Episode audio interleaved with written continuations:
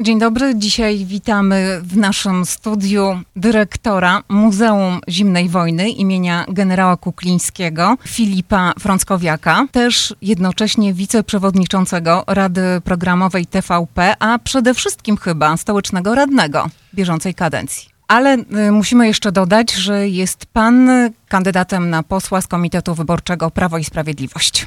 Tak, to prawda. Zostałem zaproszony na listy Prawa i Sprawiedliwości. Moje miejsce numer 16 y, na liście Prawa i Sprawiedliwości. Y, bardzo dziękuję za przypomnienie tego. Oczywiście wiele jest punktów, e, propozycji programowych, e, które e, wypływają z, od różnych kandydatów Prawa i Sprawiedliwości. Wszystkie one zamykają się w tym jednym haśle, można powiedzieć, bezpieczna przyszłość Polaków. I tutaj też mogę powiedzieć, że oczywiście także Polaków mieszkających w Stanach Zjednoczonych. Kandydował pan na posła już dwukrotnie, czy do trzech razy sztuka? Mam nadzieję, że tak. Zarówno w 2015 roku, jak i w 2019 zabrakło bardzo niewiele y, i też bardzo znacząca była liczba głosów y, ze Stanów Zjednoczonych, w tym Chicago oczywiście, y, więc stąd pozwalam sobie do Państwa kierować prośbę o oddanie na mnie głosu, ale oczywiście nie dlatego, że przyjeżdżam tutaj tylko w okresie przed, przedwyborczym, y, kampanijnym, y, bo tych y, spraw, którymi, które wspólnie nas łączą, jest wiele i, i przyjeżdżam cztery razy w roku z różnymi kwestiami, czy jako wcześniej jako zastępca dyrektora TVP Polonia, czy z wystawami z Muzeum Generała Kuklińskiego. Tych spraw jest naprawdę wiele. Rozumiem, ale chciałabym jeszcze zatrzymać się przy tym, bo jednak e, przy wyborach z 2019 roku, przy tych ostatnich, e, kiedy to, zresztą wspomniał pan przed chwilą, to poparcie Polonii było znaczące. Czy tych głosów e, w tych wyborach może być więcej i dlaczego zabrakło w poprzednich? Czy uważa pan, że jesteśmy my, Polacy tutaj w Stanach Zjednoczonych, dobrze zmobilizowani do wyborów polskich? Patrząc na sprawę czysto statystycznie, to mogę powiedzieć, że więcej osób głosowało w wyborach prezydenckich y, niż parlamentarnych. To oznacza, że w tych parlamentarnych można jeszcze się zmobilizować. Ja bardzo Państwa do tego y, namawiam. Bardzo proszę, dlatego że Państwa głos 14 października, Państwo będą głosować 14 października tutaj w Polsce, wybory są 15, ale 14 października w, y, w Chicago E, państwa głos jest bardzo ważny dla Polski. Państwo są obywatelami Rzeczypospolitej Polskiej i ci, którzy mają paszporty, mają prawo głosować.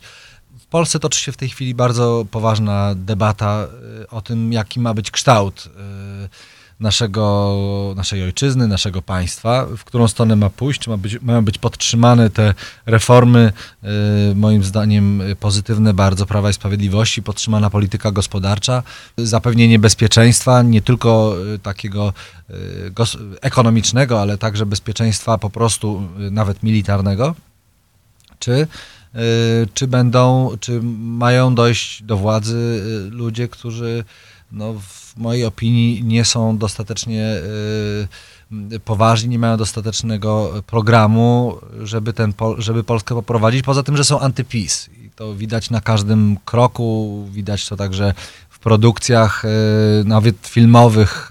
Y, ostatnia produkcja związanej e, z Platformą Obywatelską pani reżyser Agnieszki Holland, czyli Zielona Granica, atakująca po prostu po, polskich, polskich pograniczników. Jak tak można? To chyba jest w tym pytaniu, jak tak można, zamyka się cała moja krytyka tego filmu. A zatem państwo są obywatelami Rzeczypospolitej Polskiej, ci państwo, z państwa, którzy mają paszporty, mogą głosować. Potrzebne są te głosy i bardzo o nie prosimy. No to jeszcze raz y, o tym, dlaczego te wybory do parlamentu tak nas nie mobilizują i czy podobna zależność, czyli mniejsza frekwencja w parlamentarnych niż w prezydenckich dotyczy także Polski? Tak, także w Polsce jest mniejsza frekwencja. Być może przyczyną tego są bardzo poważne spory, bardzo gorąca atmosfera tych sporów, dyskusji, kłótni nawet trzeba przecież czasem powiedzieć, ale proszę się tym nie zrażać. No jest to element demokracji.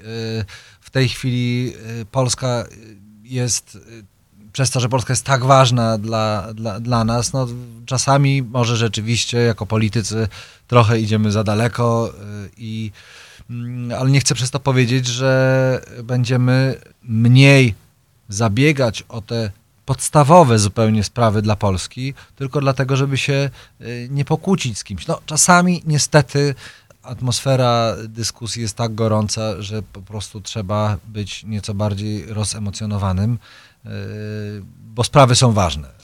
Dyskusja odnośnie wyborów toczy się także w kontekście pytań referendalnych, bo referendum dzieli Polaków, to dobrze wiemy. Pytania referendalne zostały postawione, sformułowane dlatego, że dyskusja o tych sprawach się toczy w Polsce i one, referendum nie jest częścią e, kampanii formalnie, nie jest częścią wyborów. Formalnie to są oddzielne zupełnie wybory, te referendalne i te do parlamentu, ale to jest kwestia y, podstawowa, jak Polska ma dalej wyglądać.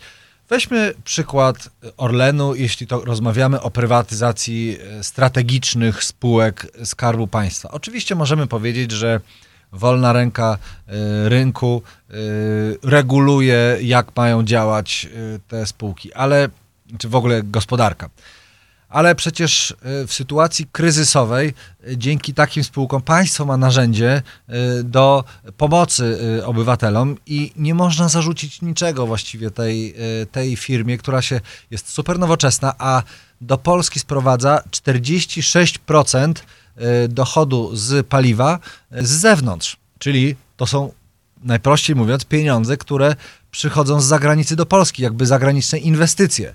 No to naprawdę tu się nie ma y, do czego y, przyczepić. Potrzebujemy takich narzędzi. Kwestia, Migracja, właśnie. Kwestia emigracji, kwestia emigracji. Polacy są otwartym narodem i y, kwestia emigracji nie wynika z tego, że my nie chcemy przyjmować osób, które chciałyby mieszkać w Polsce. Ale po to są przepisy emigracyjne, żeby przyjeżdżający do Polski, czy też starający się o możliwość wjazdu do Polski emigranci obcokrajowcy, bez względu na to, czy polityczni, czy y, ekonomiczni, żeby w oficjalny sposób zadali te pytania y, w Polsce. No, Stany Zjednoczone mają te, też ten sam y, problem. Państwa, inne państwa europejskie mają ten sam problem. Błędna w naszej opinii polityka najważniejszego państwa w Unii Europejskiej, czyli Niemiec, doprowadziła do tego, że jest napływ, który jest praktycznie niemożliwy do zatrzymania. No bo teraz Włosi, żeby ich zatrzymać, tych imigrantów napływających z Afryki, musieliby zrobić no, chyba taką blokadę morską, jaką zrobił prezydent Kennedy e, wobec Sowietów e, podczas kryzysu kubańskiego. No jakoś trzeba ich zatrzymać. Zapraszamy do polskich konsulatów. Polska ma bogatą sieć konsulatów y, także w Afryce, y, w Azji y, i proszę składać wnioski. Zresztą Włosi tak samo, ale co więcej, wraz z napływem imigrantów pojawia się jakaś taka e, dziwna potrzeba zmiany kulturowych, zmian kulturowych w, w społeczeństwach Europy. My mówimy że to nie jest dobry kierunek. To znaczy, jeśli ktoś chce pracować w Polsce, mieszkać w Polsce, ba, być Polakiem, to super, to znaczy zapraszamy, ale y, kultura polska, kultura Europy Zachodniej, no jest taka, jaką, jaką ją stworzyły yy, przez tworzyły przez całe wieki, nawet tysiąclecia, y, pokolenia ludzi, więc dlaczego mamy ją zmieniać? Dlaczego mamy tworzyć y, dzielnice, do których policja boi się wjeżdżać, y, no bo tam rządzą y, gangi, gangi imigrantów. To, to nie tak powinno wyglądać i Niemcy przyznają się do błędu, y, Francuzi przyznają się do błędu, Włosi też. Oni nie wiedzą, co teraz mają zrobić. No ale myśmy już od kilku lat mówili, nie, to nie jest dobry kierunek. Podczas kampanii w 2019 roku pan mówił, że sprawa podwójnego opodatkowania musi zostać załatwiona. Y, Kampania w roku 2023. Jesteśmy tyle co po spotkaniu u prezesa Kongresu Polonii Amerykańskiej Związku Narodowego Polskiego. Duża część tego spotkania została poświęcona właśnie sprawie opodatkowania podwójnego. Czy to się da załatwić? Tę sprawę da się załatwić tylko i wyłącznie na poziomie międzyrządowym, przy zgodzie rządu Stanów Zjednoczonych i rządu polskiego. Żaden z polityków ani w Polsce, ani w Stanach Zjednoczonych po pierwsze nie może działać na rzecz uszczuplenia y, budżetu albo y, budżetu państwa, ani nie mogą działać na rzecz tego, aby inne państwo miało korzyści z jakiejś umowy większe niż, niż Polska, albo odwrotnie. Tu musi być balans. Dlaczego o tym mówię? Dlatego, że umowa jest międzyrządowa i propozycje, y, które formułuje, to są propozycje, które są uczciwe zarówno dla Stanów Zjednoczonych, jak i dla Polski. Wydaje się, że na tym etapie najuczciwszą propozycją jest to, żeby jeśli ktoś mieszka w Stanach Zjednoczonych, no to tutaj się rozliczał z podatków, a jeśli mieszka w Polsce, czyli, a wiemy, że wiele osób przyjeżdża do Polski na, już na y, jesień życia, tak to nazwijmy, no to, to rozlicza się w Polsce. I teraz w mojej opinii nie będzie lepszego czasu y, niż jest w tej chwili, bo ta sprawa może być niejako offsetem y, do umów y, na zakup broni. To są ogromne, gigantyczne środki, więc możemy próbować je w to wciągnąć, tę sprawę, sprawę negocjacji. Ona się nie wydarzy w ciągu miesiąca, dwóch, ale mogę Państwa zapewnić, że będę podejmował działania zarówno po polskiej stronie, jak też i po amerykańskiej, bo y, tu trzeba namówić y, am- ambasadora Stanów Zjednoczonych w Polsce. To jest najważniejsza osoba, która. Powiedziałbym tak, są, są to dwa ośrodki najważniejsze z punktu widzenia y, de, y, mm, czy Departamentu Stanu, czy po prostu rządu Stanów Zjednoczonych. Jeden to jest ambasador y, amerykański w, w Polsce, który wiadomo dlaczego ma wiodącą rolę, bo po prostu jest ambasadorem. No i drugi to jest bardzo ważny ośrodek, czyli Polonia Amerykańska. Y, I y, państwo już y, wielokrotnie pokazali, jaka jest siła Polaków w Stanach Zjednoczonych. Musimy iść w tę stronę, dwu- dwutorowo, a ja deklaruję, że będę za każdym razem raportować, jak wygląda ta sytuacja po stronie polskiej.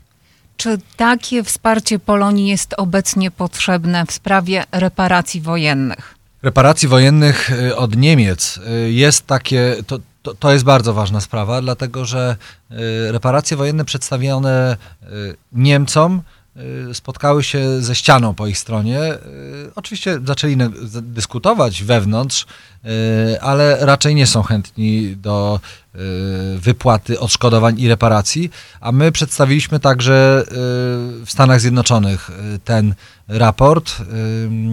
Tutaj ogromną rolę odegrał pan y, minister, wiceminister spraw zagranicznych Arkadiusz Mularczyk. Y, I y, tak, proszę państwa, aby y, w spotkaniach y, z, jak- z jakimikolwiek przedstawicielami y, administracji amerykańskiej, albo nawet z mediami, albo nawet pisać na swoich własnych mediach społecznościowych, tak żeby wasi amerykańscy przyjaciele też o tym usłyszeli.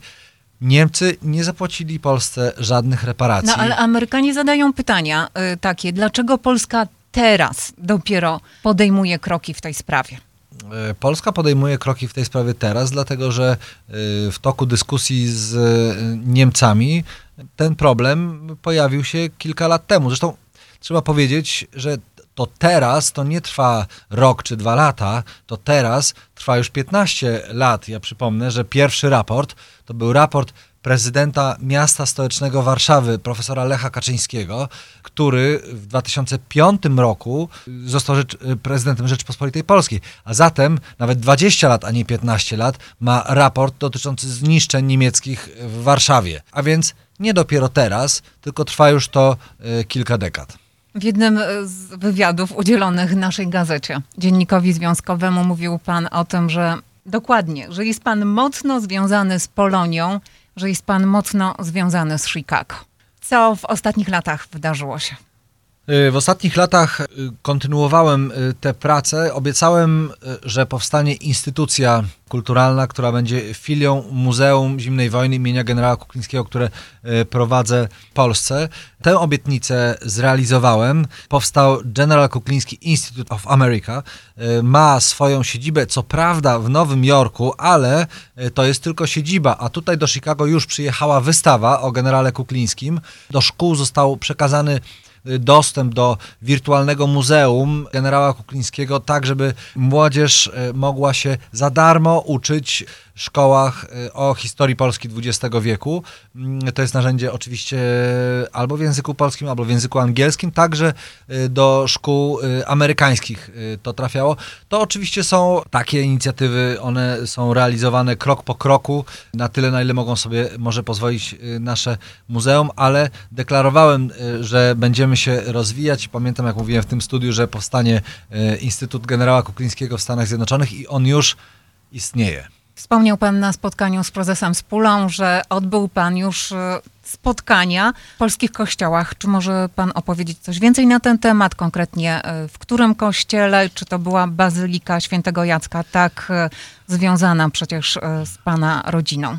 Tak, no bardzo dziękuję za przypomnienie Bazyliki Świętego Jacka. Rzeczywiście jest w niej i tablica pamięci mojego taty i też niedaleko niej na, na Belmont mieszkałem z mamą w 1987 roku, y, więc oczywiście tam y, były spotkania, pomszy i rozmowy o tym, jakie są oczekiwania, jakie, jakie są pomysły. Pomysłów, pomysłów jest bardzo wiele. Poza tym, że największym zainteresowaniem cieszy się pomysł właśnie zniesienia tego podwójnego opodatkowania emerytur, to jest najważniejsze, y, no to też widać, że Polacy potrzebują takiego połączenia instytucjonalnego. Y, wszyscy wiemy, że jest potencjał, żeby coś razem robić y, pomiędzy Polską a, a Chicago i, i tutaj tych, te, te, te te pomysły, na przykład jednym z nich był y, utworzenie y, social clubu y, dla biznesmenów polonijnych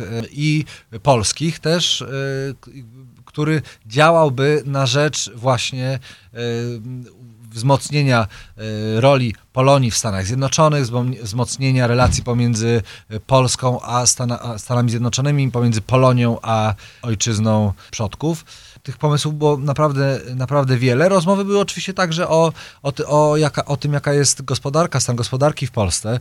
Wielu pyta, e, wiele osób pytało, czy Polska się nie zadłuża przy, przypadkiem e, proponując różne rozwiązania socjalne. No ale tu trzeba powiedzieć, że te rozwiązania socjalne są, one, one są dalej transferowane Państwo wspiera osoby najmniej zarabiające, a potem te osoby najmniej zarabiające jadą na wakacje, y, kupują różne potrzebne im rzeczy i wzmacniają po prostu biznes.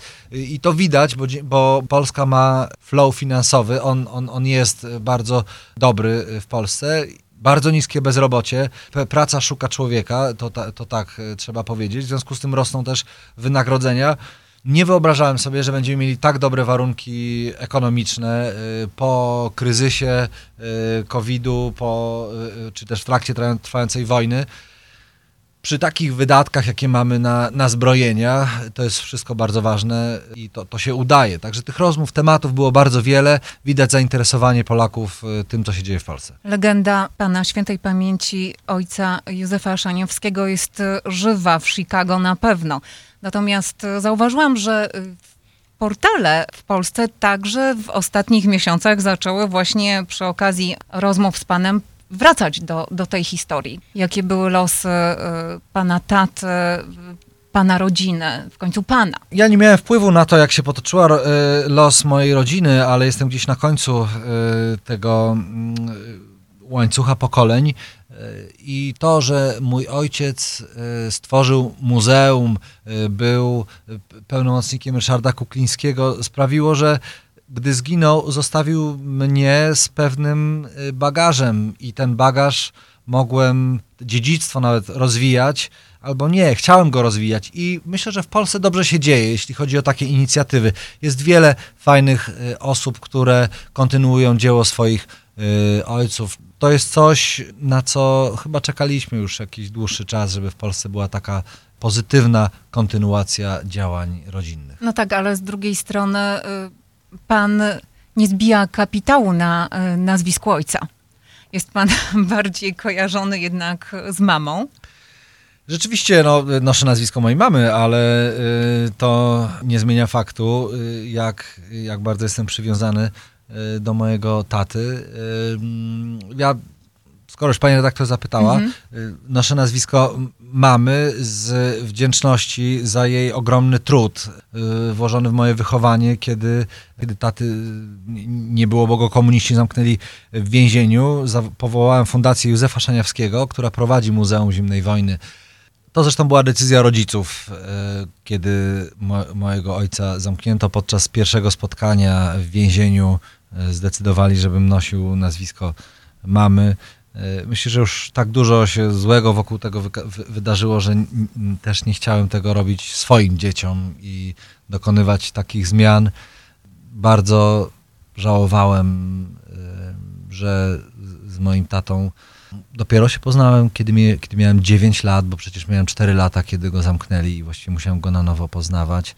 E, Ale moja historia e, była podobna do historii tysięcy polskich dzieci, których, którym e, ojców wywożono na Syberię, zamykano w więzieniach, czy w ogóle mordowano. Ryszard Kukliński był świadkiem, jak, jego, jak e, Niemcy torturują jego ojca, bijąc go nogą od stołu, a potem zginął w obozie Sachsenhausen. Także taka jest polska historia. Dziękujemy pięknie za rozmowę. A chciałam się jeszcze zapytać, jak mama e, podchodzi do pana kampanii. Mama mnie bardzo wspiera, za co bardzo mamie y, dziękuję. Y, To jest ważne y, dla każdego, nieważne czy mama śpiewa, czy nie śpiewa, czy jest znaną osobą, czy nie.